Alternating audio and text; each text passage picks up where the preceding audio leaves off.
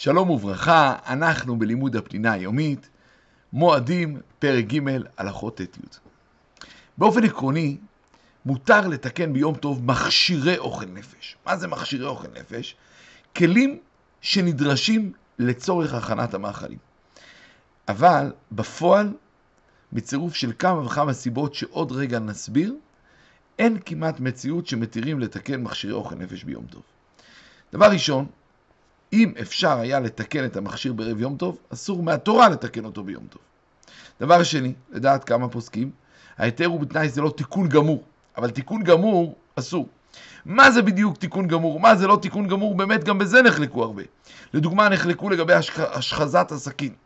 יש אומרים שזה נחשב עשיית כלי גמורה, יש אומרים זה רק תיקון. בעיה.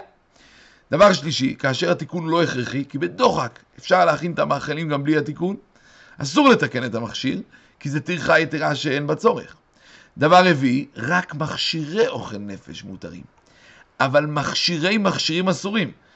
דוגמה, אסור ליישר מפתח כדי לפתוח בו מחסן שיש בו מאכלים. כי המפתח הוא, הוא לא מטפל באוכל עצמו, הוא רק פותח את הדלת בשביל האוכל, אז זה נחשב מכשירי מכשירים. וחוץ מכל זה, גם אם ברור שמדובר במקרה שבאופן עקרוני מותר לתקן, נהגו חכמים לא להורות בזה יותר. שמא, מתוך שיקלו לתקן את מכשירי אוכל נפש, שלא יכלו לתקן בערב יום טוב, יבואו לתקן גם מכשירים ביום, שיכלו לתקן בערב יום טוב, וזה, כמו שאמרנו כבר, איסור תורה. לכן, מי שלומד את ההלכה היטב ויודע מתי הדבר מותר, רשאי לנהוג כפי שלמד. אבל הבא לשאול, אומרים לו, אסור. למה? שמא יתחיל לבוא להקל בדברים אחרים, כי הוא לא מבין את כל הפרמטרים ואת כל הצדדים שהסברנו. אבל כאשר התיקון מאוד מאוד נצרך, התירו. לדוגמה, הקלו לגרוף את הטיח שנפל לתנור והוא גורם לזה שהפת תישרף, את זה התירו.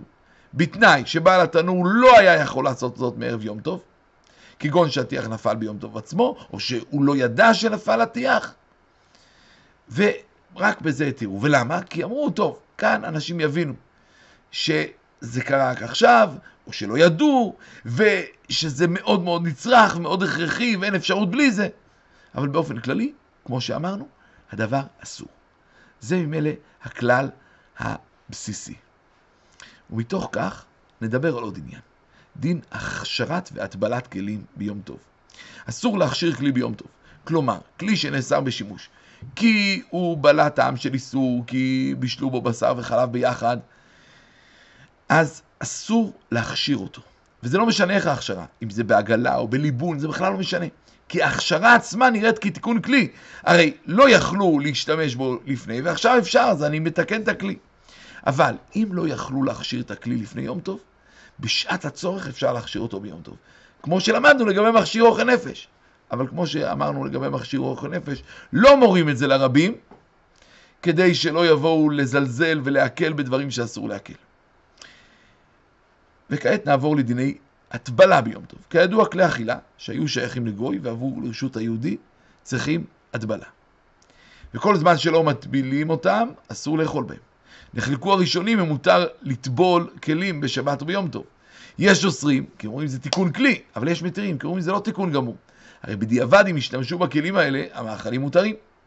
למעשה, אם יש שם גוי נאמן, צריך לתת לו את הכלי במתנה ולבקש ממנו אחר כך להשתמש בכלי, שהרי כל זמן שהכלי שייך לגוי לא צריך להטביל אותו. אבל אם אין שם גוי, אז יש מחלוקת. אלא שלגבי יום טוב גם המחמירים מסכימים שמעיקר הדין, אם לא הייתה אפשרות להטביל את הכלי מערב יום טוב, מותר להטביל את הכלי. שהרי למדנו שמותר לתקן מכשיר אוכל נפש ביום טוב.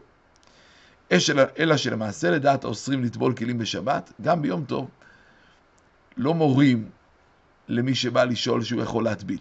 כי שוב פעם, אולי הוא לא יבין ויטעה בדברים אחרים. אבל אם אדם יודע את הדין, יכול ביום טוב לטבול, כמו שלמדנו. ונסיים בשאלה, מהם הסיבות שלמעשה אנחנו לא מתירים מכשיר אוכל נפש ביום טוב?